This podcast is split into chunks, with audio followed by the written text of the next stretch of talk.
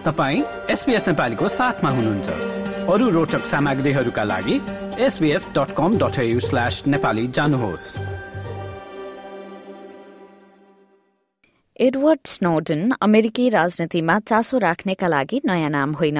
सन् दुई हजार तेह्रमा आफूले काम गरेको संस्था राष्ट्रिय सुरक्षा एजेन्सीले घरेलु र बाहिरी मुलुकहरूमा गरिरहेको निगरानीका बारेमा खुलासा गरेपछि उनको चर्चा संसारभर हुन पुगेको थियो।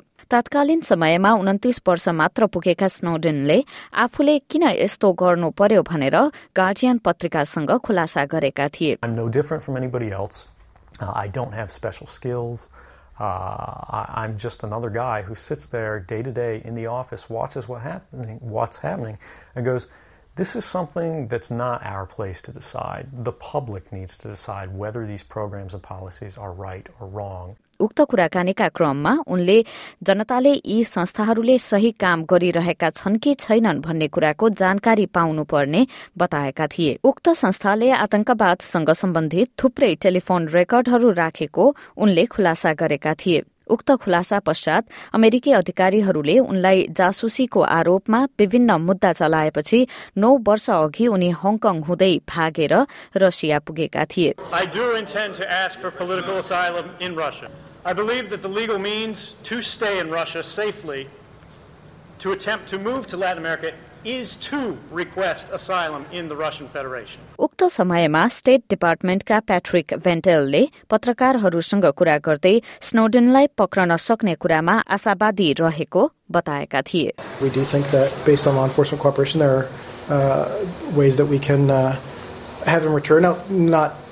withstanding that we don't have an extradition treaty. तर स्नोडनलाई सुपुर्दगी गर्नका लागि अमेरिकाले धेरै पटक आग्रह गरेको भए पनि रुसी राष्ट्रपति पुटिनले यसलाई अस्वीकार गर्दै आइरहेका थिए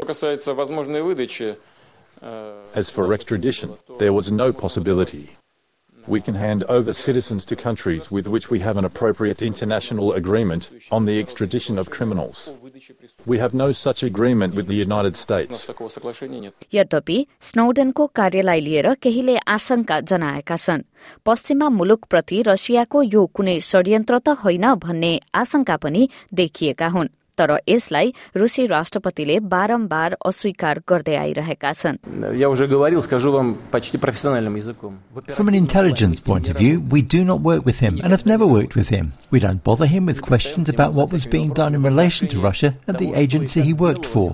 на российском направлении его службы, где он работал. मस्कोले सन् दुई हजार बीसमा स्नोडनलाई स्थायी बसोबासको अनुमति दिएर नागरिकता लिने बाटो खोलिदिएको थियो र हालै आएर उनलाई रुसी नागरिकता प्रदान गरिएको छ रुसी नागरिकता लिएका बहत्तर जना विदेशमा जन्मिएका मानिसको नाममा स्नोडेनको पनि नाम छ स्नोडन आफैले पनि यो कुरालाई पुष्टि गरेका छन्। उनले आफ्ना अभिभावकसँग लामो समय छुट्टिए पनि आफ्नो सन्तानसँग भने छुट्टिने चाहना नरहेको उनले ट्विटरमा लेखेका छन्। व्हाइट हाउसले उनको नागरिकताका सम्बन्धमा कुनै प्रतिक्रिया नजनाए तापनि अमेरिका फर्किएर आफू विरूद्धको मुद्दा लड्नु पर्नेमा अमेरिकाले जोड़ दिइरहेको छ।